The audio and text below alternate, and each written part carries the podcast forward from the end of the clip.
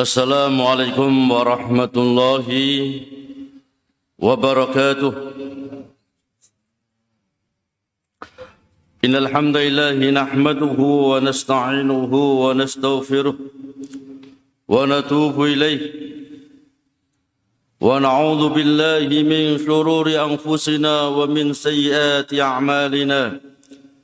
من يهده الله فلا مضل له ومن يضلل فلا هادي له. أشهد أن لا إله إلا الله وحده لا شريك له. وأشهد أن محمدا عبده ورسوله.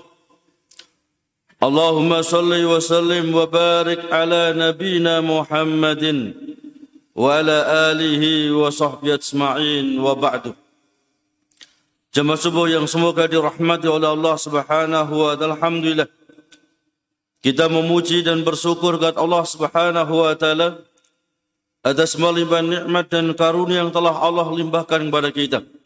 Salawat dan salam semoga tetap tercurahkan pada junjungan Nabi kita Muhammad sallallahu alaihi wasallam kepada keluarga beliau, para sahabat beliau dan umat yang senantiasa istiqamah di dalam menempuh jejak beliau yaumil qiyamah. Jamaah rahimakumullah. Pada pertemuan yang lalu telah kita sebutkan ketika Nabi kita Muhammad SAW umur 4 tahun terjadi peristiwa yang sangat menakutkan. Sehingga Halimah bintu Abi Dhuaib yakni ibu susuan Nabi kita Muhammad SAW dengan terpaksa mengembalikan Nabi kita Muhammad SAW ke ibunya Aminah. Apa itu? Yani peristiwa pembedahan dada Nabi kita Muhammad SAW oleh malaikat Jibril. Jadi ketika Nabi bermain dengan dua saudara susuannya, di tengah-tengah bermain, Nabi kita Muhammad SAW kemudian diterlentangkan oleh malaikat Jibril. Kemudian dibelah dadanya. Kemudian diambil hatinya, ya, kemudian dipotong sedikit hatinya, kata Malaikat Jibril ini ada bagian yani setan dari engkau. Maka dibuang. Kemudian dicuci dengan air zam-zam. Kemudian dikembalikan lagi ke dalam dada Nabi kita Muhammad sallallahu alaihi wasallam. Sehingga dua saudaranya ini berlarian menuju Halimah. Muhammad telah dibunuh, Muhammad telah dibunuh karena memang dibelah dadanya. Ya, ini termasuk ya pengajaran secara tidak langsung adanya pembedahan ya untuk ahli kesehatan di zaman sekarang ini. Kemudian Anas ibn mengatakan dan sungguh saya melihat bekas jahitan jadi sampai Nabi ya sudah dewasa itu kelihatan bekas-bekas jahitan daripada pembedahan dada Nabi kita Muhammad sallallahu alaihi wasallam. Maka tinggallah Nabi kita Muhammad bersama ibunya Aminah. Kira-kira sekitar dua tahun tinggal bersama ibu, tepatnya umur enam tahun. Maka Nabi kita Muhammad SAW diajak ibunya untuk ziarah ke makam ayahnya di Madinah. Sekaligus ziarah ke, ke makam yakni adik daripada kakek Nabi kita Muhammad di Madinah. Sekaligus mengenalkan Nabi kepada paman-paman beliau di, di Madinah. Dan rombongan Nabi tinggal satu bulan di Madinah. Kemudian pulanglah rombongan ini ke Mekah. Di tengah perjalanan, Aminah, ibu Nabi, sakit keras bahkan sampai meninggal dunia. Tepatnya di Abwa. Abwa ini ya kira-kira 240 dari Madinah, 240 dari Mekah, jadi pas tengah-tengah. Ya. Wafatlah Aminah dan dimakamkan di Abwa. Mendengar Aminah telah wafat, maka kakek Nabi Abdul Muthalib mengirim rombongan untuk menjemput yakni cucu kesayangannya Nabi kita Muhammad sallallahu alaihi wasallam. Kemudian Sesampainya di Makkah, Nabi diasuh oleh kakek Nabi yang bernama Abdul Muthalib. Tetapi tidak lama, sekitar dua tahun, hidup bersama kakek Nabi Abdul Muthalib, tepatnya Nabi berumur 8 tahun lebih dua bulan, lebih beberapa hari, wafatlah kakek Nabi tercinta, yakni Abdul Muthalib. Kemudian dirawat dan diasuh oleh paman Nabi Abu Talib. Ketika Nabi mencapai umur 12 tahun, Abu Talib hendak berdagang ke negeri Syam. Kalau sekarang Syria. Ya. Memang perdagangan yang paling hebat waktu itu adalah di, di Syam. Maka Abu Talib ketika hendak meninggalkan keponakannya Muhammad ibn Abdullah, beliau sangat berat hati. Sehingga diajaklah Nabi kita Muhammad SAW untuk berdagang di negeri Syam. Belum sampai di ibu kota Syam, rombongan bertemu dengan seorang rohib, pendeta Nasara yang bernama Bukhair.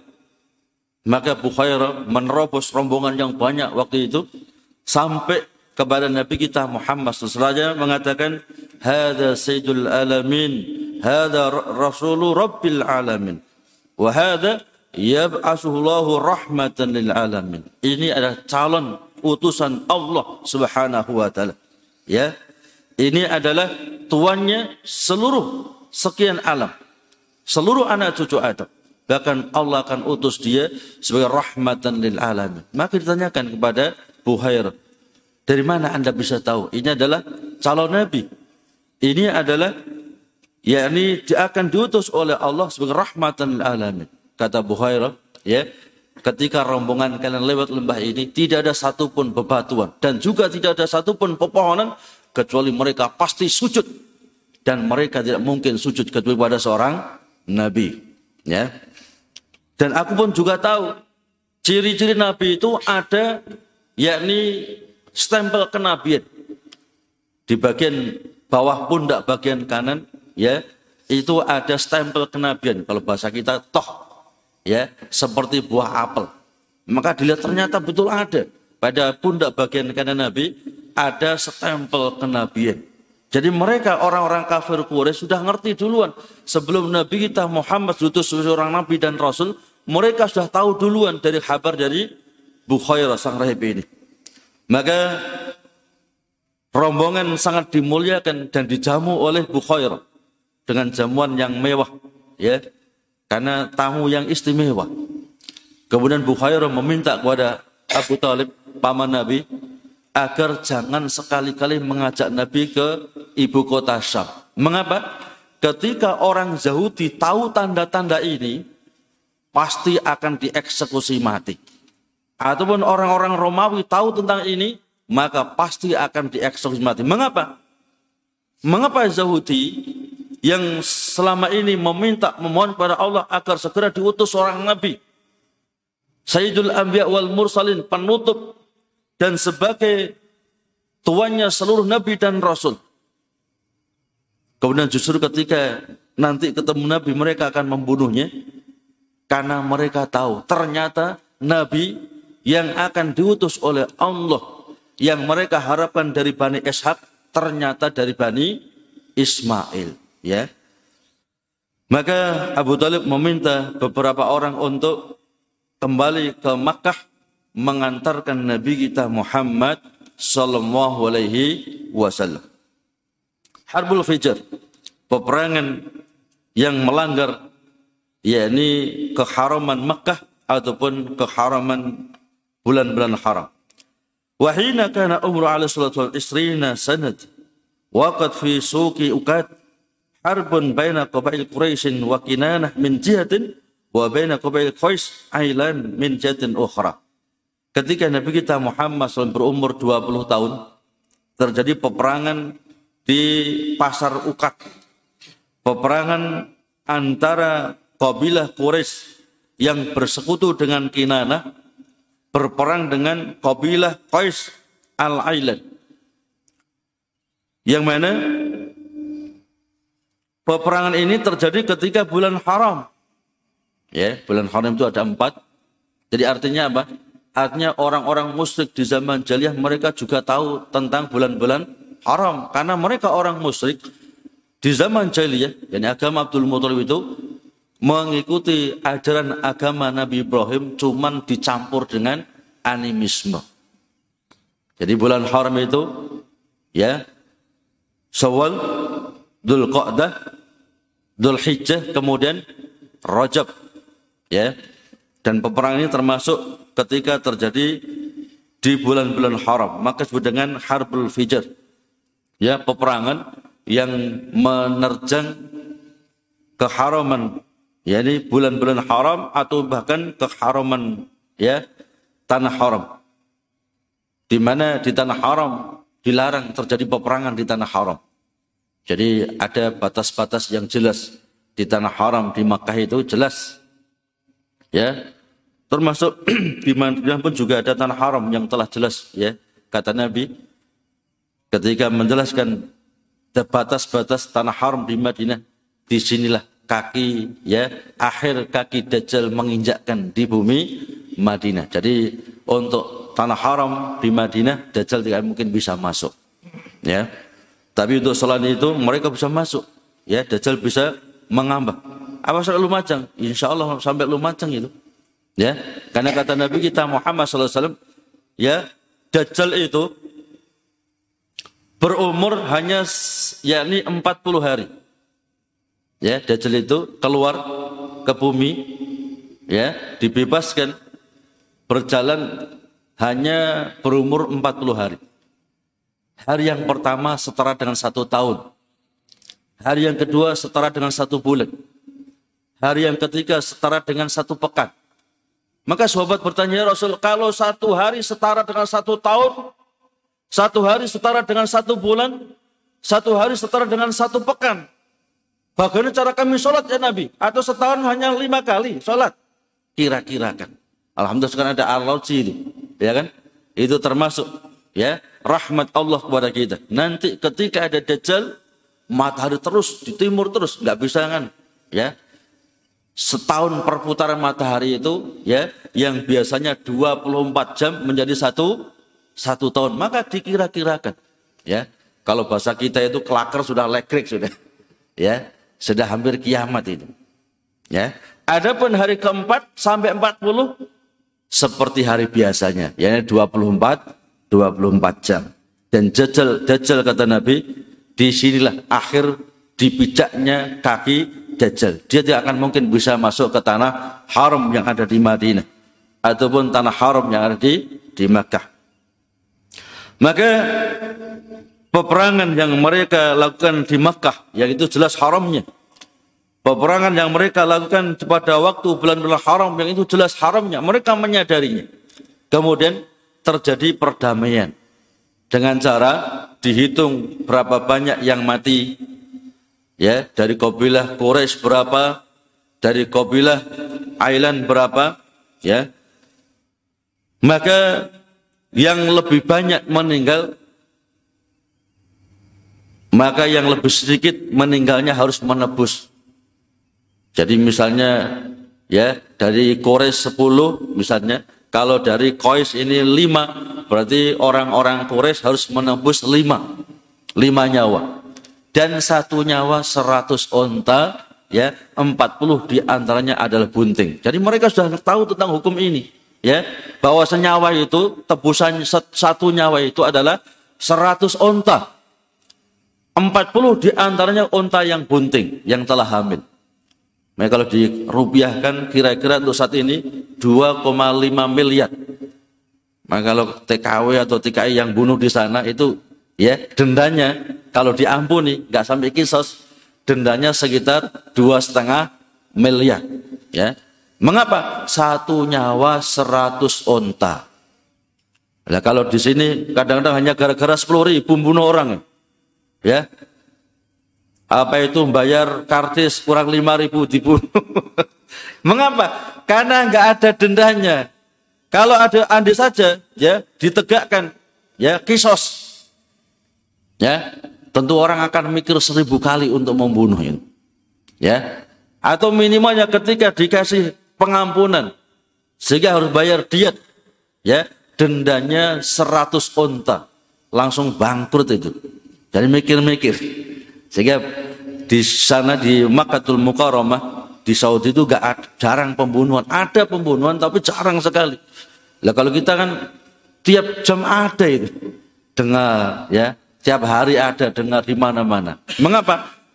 Karena tidak adanya hukum kisos. Makanya Allah berfirman, ya, wa fil qisasi hayatu ya ulil albab ya. Di dalam hukum kisos itu ada kehidupan. Ya, orang nggak akan gampang-gampang bunuh. Orang nggak akan gampang-gampang yakni mengalirkan darah. Kemudian halful fudul yakni sumpah setia. Wa fi syahri qa'dah ala isri harbi tamma halful fudul baina khamsati butun min qubaili quraisy wa hum banu hasim wa banu muttalib wa banu asad wa banu zuhrah wa banu tim di bulan Dzulqa'dah setelah terjadinya perang yakni Fijar tadi terjadilah sumpah setia di antara lima bani di, di Quraisy yakni Bani Hasim Bani Muthalib Bani Asad, Bani Zahrah dan juga Bani Tim. Sebabnya wa sababuhu anna rajulan min Zubaid jaa bi sil'atin ila Makkah fastaraha minul As ibn Wa'il as-Sahmi wa habasa anhu haqqahu fastada alaihi bi bani Abdul Dar wa bani Mahzum wa bani Jam'i wa bani Sahm wa bani Adi falam yaktasuru alahu. Sebabnya ada seorang laki-laki dari Zubaid ya jadi Zubaidiyah datang ke Mekah dengan membawa barang dagangan. Dagangannya dibeli oleh As ibn Wa'il As-Sahmi. Hanya saja As ibn Wa'il nggak mau bayar. Jadi dagangannya diambil, cuma dia nggak mau bayar. Ya, maka Zubaidi ini meminta tolong kepada Bani Abdiddar meminta tolong pada Bani Mahzum, meminta tolong pada Jami, yakni Bani Jamhin, dan juga Bani Sahimin, sekaligus Bani Adi. Tapi mereka tidak peduli. Jadi dagangannya habis, terjual laku, cuman yang beli nggak mau bayar. Maka, Fala Jabal Abi Kubais, Wadara fil Abiyat. Maka Zubaidi ini Beliau ya dia naik di di atas gunung Hubes. Kemudian bersair ya menceritakan tentang kedolimannya. Jadi orang Mekah itu kalau menceritakan mereka memang ahli sair.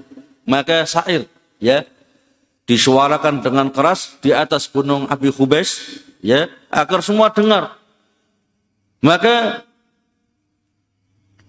salah satu orang yang benar adalah Az-Zubair ini Abdul Muttalib ya. Dia mendengarkan syair-syair ketoliman yang yang terjadi pada dirinya Zubaydi ini.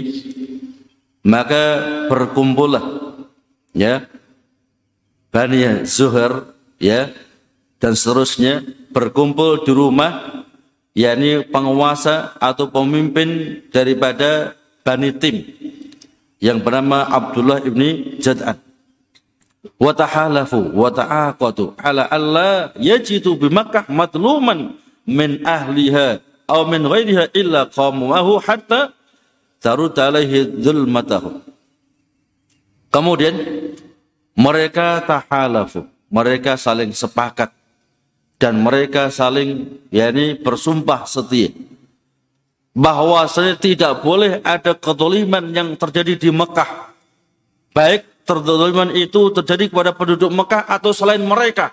Selama terletak terjadi di, di Mekah. Kecuali mereka harus bersatu padu untuk ya ini membebaskan kedoliman itu.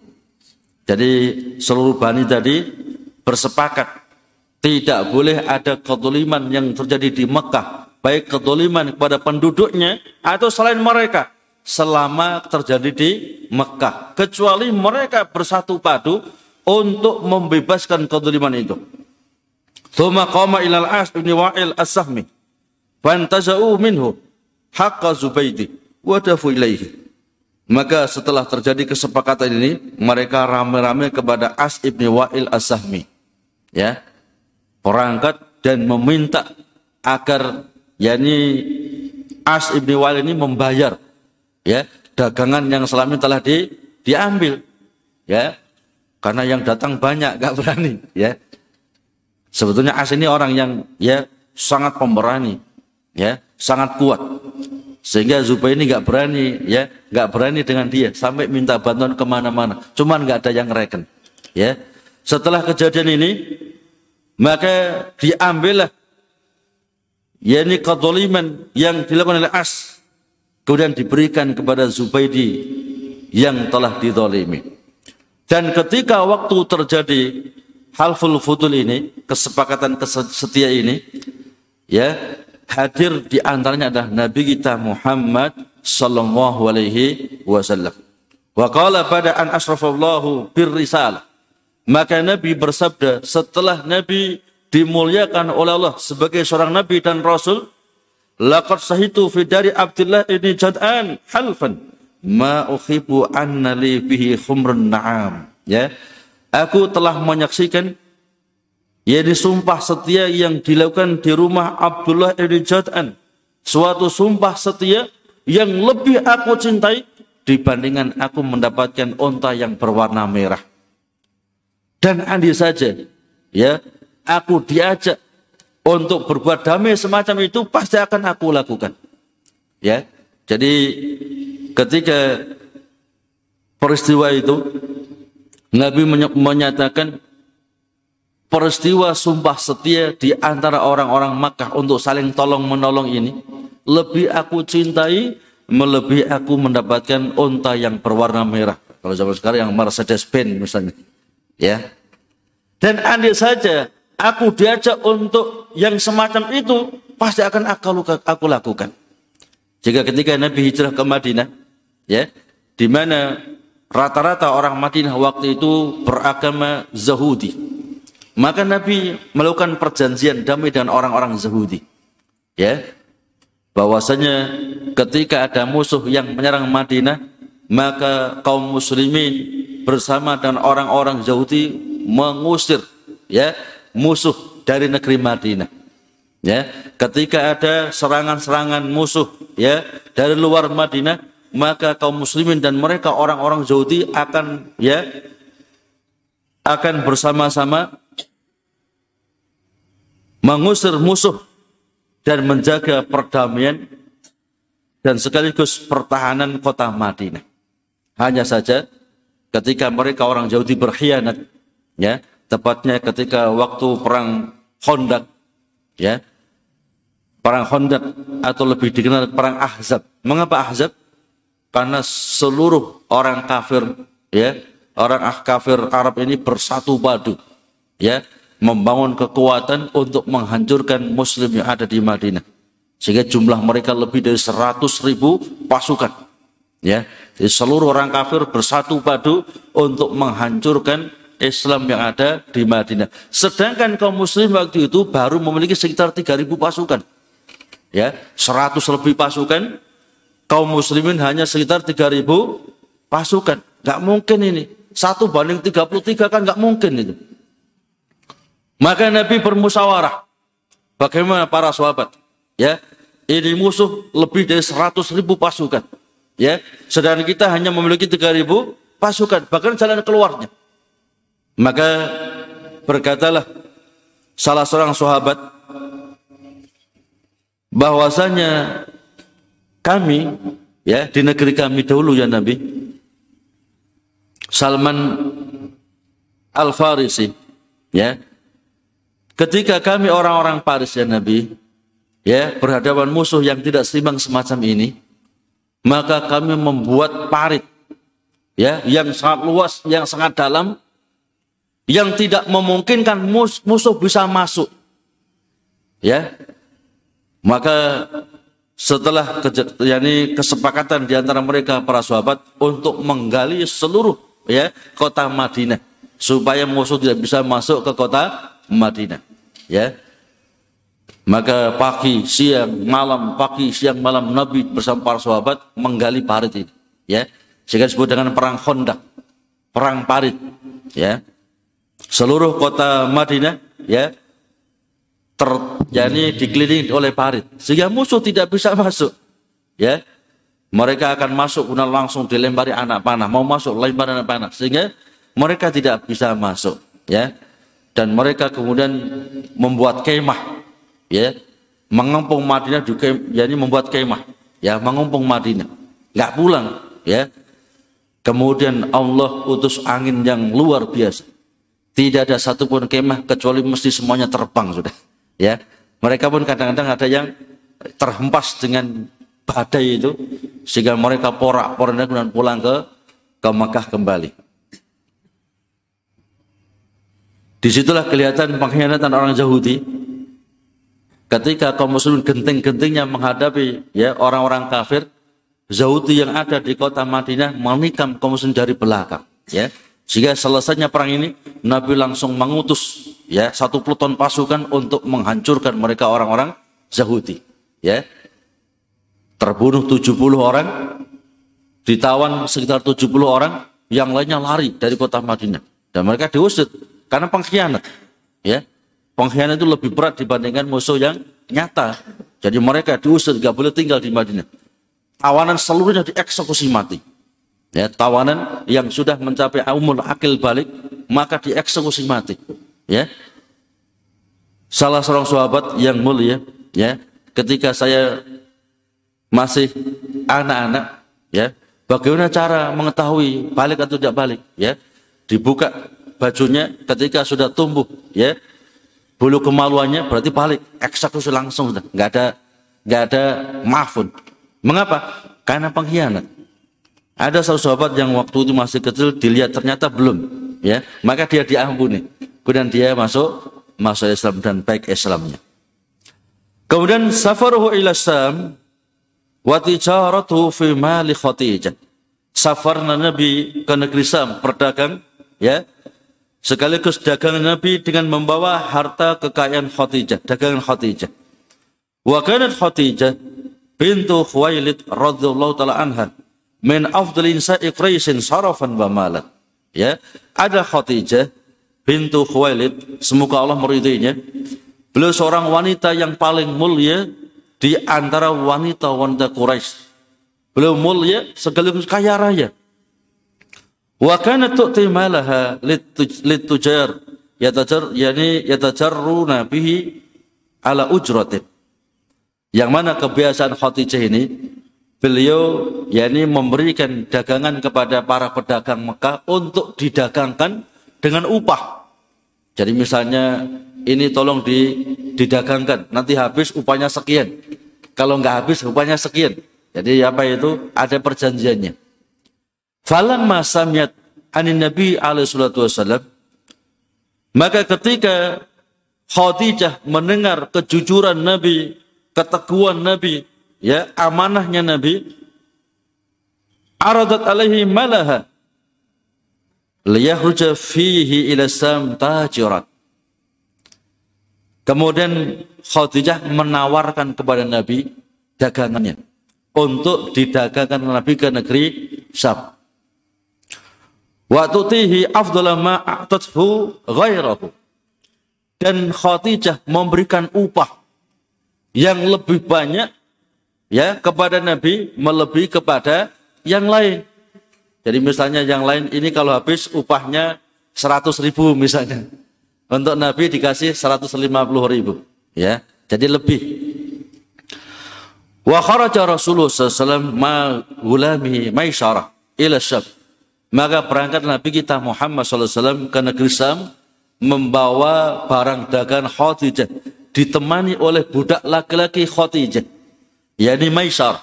Jadi masalahnya bukan bukan perempuan tapi laki laki-laki. Ini adalah budak daripada Khadijah. Faba'a wabta'a wa rabiha ribhan aziman wa hasula fi maliha minal barakah ma lam yakhsul min qablu.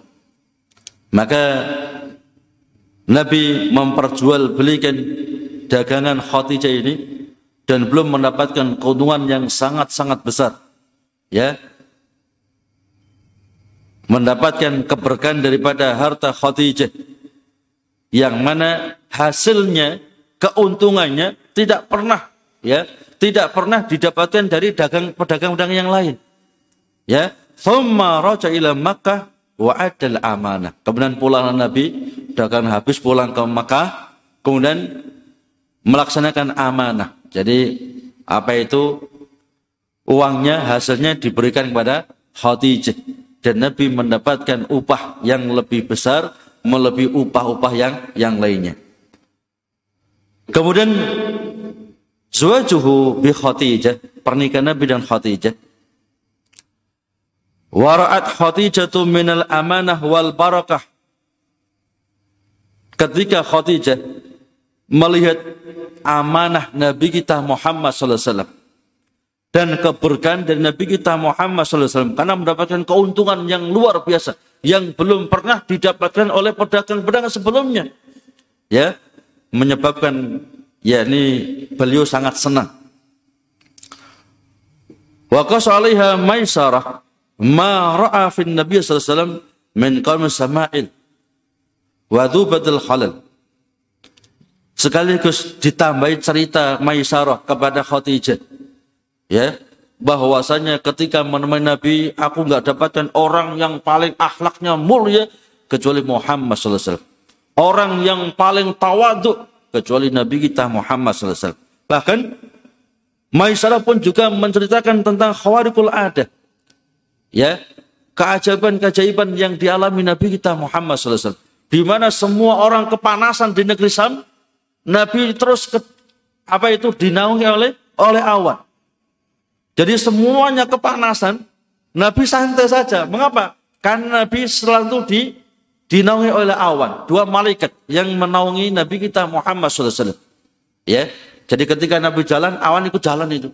Terus mayungi Nabi kita Muhammad SAW.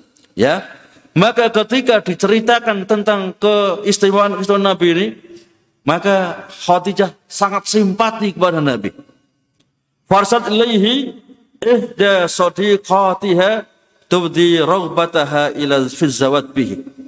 Maka Khadijah mengutus ya salah seorang sahabat karibnya yang bernama Nafisah pintu Munyah ya untuk menghabarkan kepada paman-paman Nabi sekaligus menghabarkan kepada Nabi keinginan Khadijah untuk menikah dengan Nabi Muhammad sallallahu alaihi wasallam. Wa Nabi alaihi wasallam dan Nabi mau. Ya. Wa kallama a'mamahu Nabi juga mendiskusikan perkara ini ya kepada paman-pamannya. Eh paman gimana nih? Saya ini ya diajak nikah dengan Khadijah. Gimana ini? Ya. Maka fakhatabuha lahu ila amiha Amr ibn Asad. Maka paman-paman Nabi melamar Khadijah untuk Nabi kita Muhammad SAW kepada paman Khadijah yang bernama Amr ibni Asad.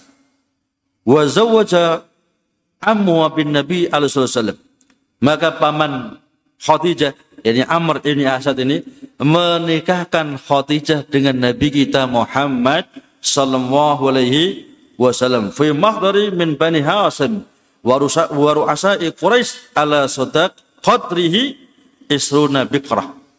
Ya, dinikahkan dengan Khadijah di hadapan Bani Hasim, pemimpin-pemimpin Quraisy dengan mahar 20 onta yang masih muda. Jadi maharnya itu ya 20 onta yang masih masih muda. Ya. Wa kana alladhi alqal khutbatan nikah huwa ammuhu Abu Talib. Fahamidallah wasna alaihi yang menjadi khotib nikah jadi khutbah nikah jadi apa itu di zaman apa itu zaman jahiliyah ya nikahnya pun sesuai dengan yang ada dalam Islam ini. Karena mereka mengenal ya ajaran Nabi Ibrahim alaihissalam dan yang men, yang menjadi khotibnya ya yang berkhutbah nikah adalah paman Nabi Abu Talib. Beliau memuji Allah menyanjung Allah, menyebutkan tentang keutamaan kota Nabi, sekaligus menyebutkan yakni maharnya. Maharnya adalah 20 onta yang masih masih muda. Kalau sekarang berapa itu? Kalau untuk onta itu dibuat 20 juta berarti kira-kira 400 juta. Hampir setengah miliar itu. ya. Jadi kebiasaan di Mekah itu ya memang tinggi maharnya. Ya, rumah segala isinya. Ya. Kalau kita kan mahar 50 ribu, 100 ribu, murah di kita. Sehingga banyak yang mau nikah lagi setelah nikah. Karena maharnya murah. Ya. Nggak tahu tanggungannya besar itu. Ya. Harus bisa adil. Ya. Harus bisa semuanya. Jadi harus memenuhi syarat. Kata saya Soleh al -Usaymin, ya. Orang yang mau nikah lagi, yang taat harus memiliki syarat-syarat. Ya, kalau tidak memiliki syarat ini jangan. Haram hukumnya untuk taat. Ya. Kalau sudah mau memiliki kriteria-kriteria ini, maka baru boleh dia. Ya sangat banyak. Anda bisa lihat dalam fatwa daripada Syekh Soleh Al Utsaimin, syarat-syaratnya. Kemudian pernikahan ini terjadi ketika sebulan Nabi kita Muhammad SAW dari negeri Sam sekitar dua bulan lebih beberapa hari. Jadi begitu apa itu pulang dari Sam dua bulan lebih beberapa hari langsung ada ya simpati Khadijah ya Kemudian Khadijah ngirim teman karibnya untuk sebagai mak comblangnya. Ya, kalau langsung kan nggak nggak kurang ya kurang layak lah. Jadi harus ada mak comblangnya. Ya. Jadi kalau antum punya anak perempuan itu antum yang harus bertanggung jawab cari jodohnya. Ya. Jangan cari sendiri. Kalau cari sendiri salah nanti. Kalau kita orang tua sudah sangat pengalaman itu. Ini ini ini pengalaman ya. Tapi kalau dia cari sendiri ini bahaya ya. ya. Jadi paling berat memang kalau punya anak perempuan. Ya. Jadi orang tuanya, ayahnya yang harus mencarikan jodoh untuknya, ya. Tidak boleh cari sendiri. Kalau cari sendiri pengalamannya kurang. Jadi bisa membahayakan. Dan itu terjadi ketika umur Nabi beliau bernomor Hamsan wa Isrina sana. Nabi berumur 25 tahun. Amal Khadijah fal ashar anna sinnaha kanat arba'ina sana. Ya, adapun Khadijah yang masyhur umur beliau adalah 40 tahun. Sebagian riwayat umur beliau 28 tahun. Tapi riwayat yang paling ma'ruf adalah 40 tahun. Ya. Di mana uh, Khadijah ini janda dua kali. Ya. Awal kali belum menikah dengan Atik ibni Aid Al-Mahzumi. Ya, kemudian meninggallah Atik ini. Setelah habis masa idahnya, jadi orang kafir Quraisy sudah ngerti masa idah itu. Ya, karena mereka mengenal agak ajaran Nabi Ibrahim alaihissalatu wassalam. Berapa idahnya wanita yang ditinggal mati oleh suaminya? Berapa? Ya, empat bulan sepuluh hari. Mengapa empat bulan ditambah sepuluh hari? Karena janin itu Allah berikan ruh ketika umur 4 bulan. Mengapa ditambah 10 hari? Ya, supaya geraknya lebih keras, jejek-jejek. Oh, ternyata ada peninggalan. Ya, sehingga tahu kalau hamil berarti idahnya berubah dari 4 bulan 10 hari menjadi sampai melah, melahirkan. Ya, ada terjadi. Ini nyata ini. Ya, Mungkin dia tahunya kalau ditinggal ya, ditinggal mati suaminya 4 bulan 10 hari. Ya, cuma nih buat ditinggal mati oleh suaminya. Ya, dia diceraikan oleh suaminya. Ya, diceraikan. Idahnya awal yang diceraikan oleh suaminya adalah empat kali sucian. Eh, tiga kali sucian. Ya, head suci satu, head suci dua, head suci tiga. Ya. Karena kalau wanita yang hamil itu biasanya nggak bisa head. Ya. Kalau sudah monopos atau belum belum pernah head tiga bulan penuh. Cuman wanita ini khianat ini. Ketika diceraikan oleh suaminya, atau mungkin mungkin dia juga nggak tahu kalau hamil. Mungkin khusnudon kita dia nggak tahu kalau dia hanya hamil. Ya,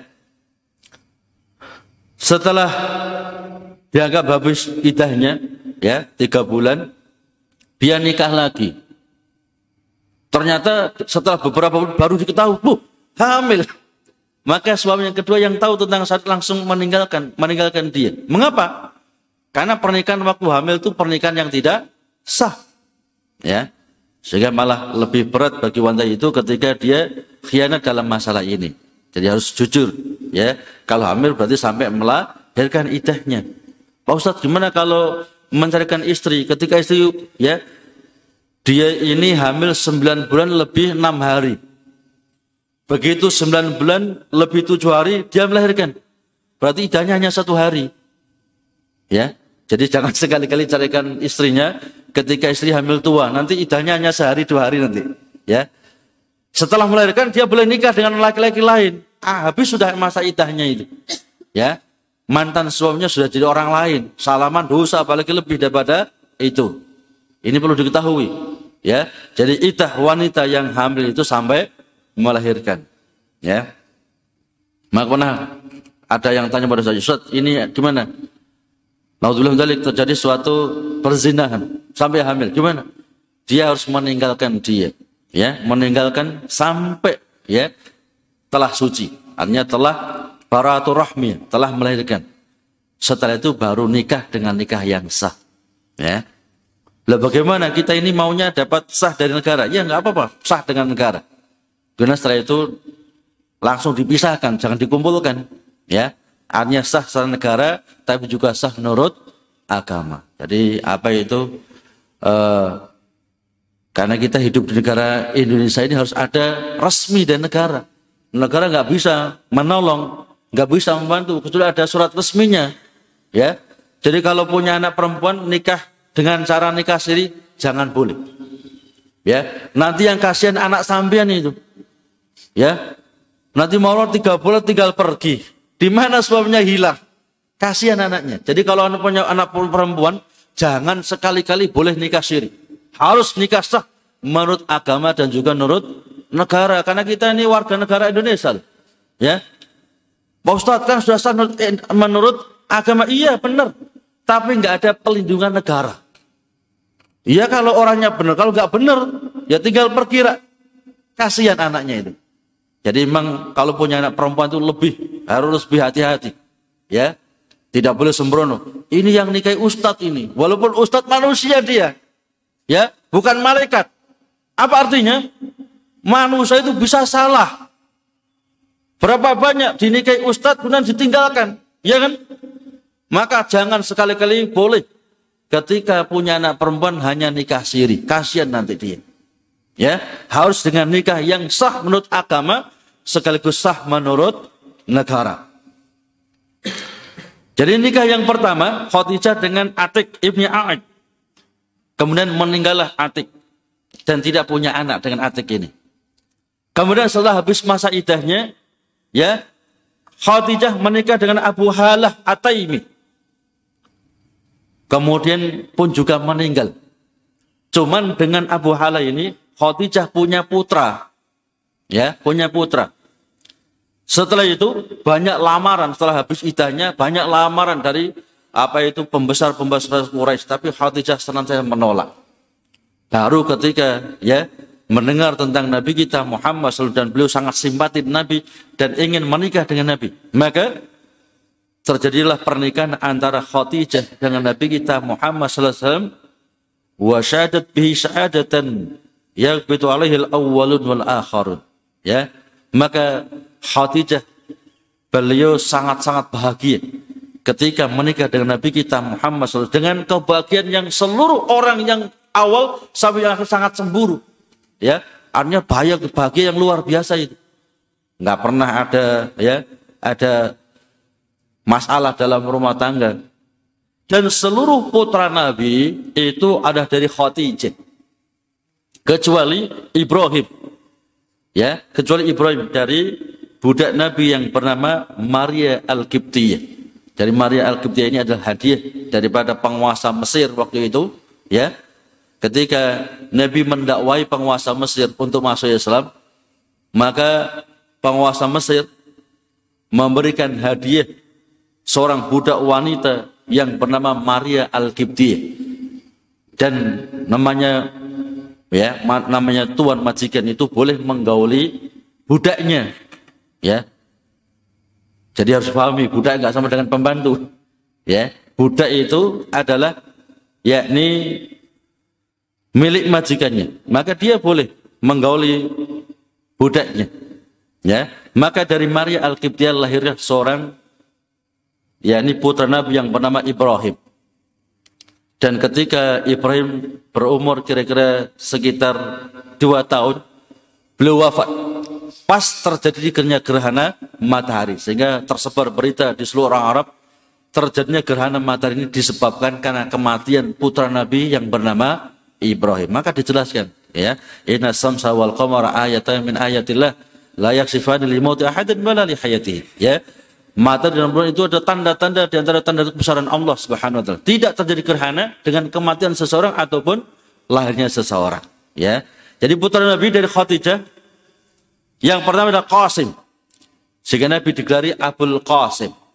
Ya, disebutkan dalam hadis Bukhari, ya, man soma yauma sak faqad aso abal Qasim. Barang siapa puasa hari sak, ya, hari sak itu bisa tanggal 30 Saban bisa tanggal 1 Ramadan. Jadi ragu-ragu karena nggak dilihat hilalnya. Ya, itu hari syak. Hukumnya haram. Ya, barang siapa puasa yaumusak berarti dia adalah permaksiat kepada Abul Qasim Nabi kita Muhammad sallallahu alaihi wasallam. Yang kedua Zainab. Yang ketiga Ruqayyah. Yang keempat Ummu Kulsum. Yang kelima adalah Fatimah. Yang keenam anak ragil Nabi yang bernama Abdullah. Dia punya gelar At-Tayyib yang baik ataupun At-Tahir yang suci, ya. Jadi Abdullah ini punya gelar At-Tayyib ataupun At-Tahir. Dan seluruh anak Nabi yang laki-laki semuanya wafat ketika masih kecil. Ya, seluruh anak Nabi yang laki-laki seluruhnya wafat ketika masih kecil. Adapun putri-putri Nabi semuanya hidup Sampai Nabi kita Muhammad selalu diutus oleh Allah sebagai seorang Nabi dan Rasul. Mereka masuk Islam, mereka juga hijrah. Dan seluruhnya wafat. Sebelum Nabi kita Muhammad SAW kecuali Fatimah. Fatimah wafat setelah enam bulan wafatnya Nabi kita Muhammad Sallallahu Alaihi Wasallam. Jamaah rahimahullah, waktu telah habis. Mudah-mudahan apa yang kita kaji pada pagi hari ini memberikan tambahan ilmu dan wawasan ilmu bagi kita semuanya. Ya, kita membaca sirah, ya perjalanan hidup Nabi kita Muhammad SAW agar kita lebih mengenal Nabi, ya, lebih mengenal keluarga Nabi, lebih mengimani tentang kenabian Nabi kita Muhammad SAW. Karena kadang-kadang kita lebih kenal dengan pemain sepak bola, ya, dia sekolah di mana, nikah di mana, ya, cerai kapan, anaknya berapa, ngerti detail itu. Tapi kalau tanya berapa anaknya Nabi, tolak, tolak. Kat padahal ngomongnya cinta Nabi, tapi nggak begitu kenal dengan Nabi kita Muhammad SAW. Jadi belajar sirah ini penting, ya, supaya kita kenal siapa Nabi kita Muhammad SAW. Bagaimana keluarga Nabi, ya, sehingga kita lebih, ya, ini lebih meyakini tentang ajaran Nabi kita Muhammad Sallallahu Alaihi Wasallam. Kita tutup dengan doa kafaratul majlis. Subhanallah. Astagfirullah. Assalamualaikum warahmatullahi wabarakatuh.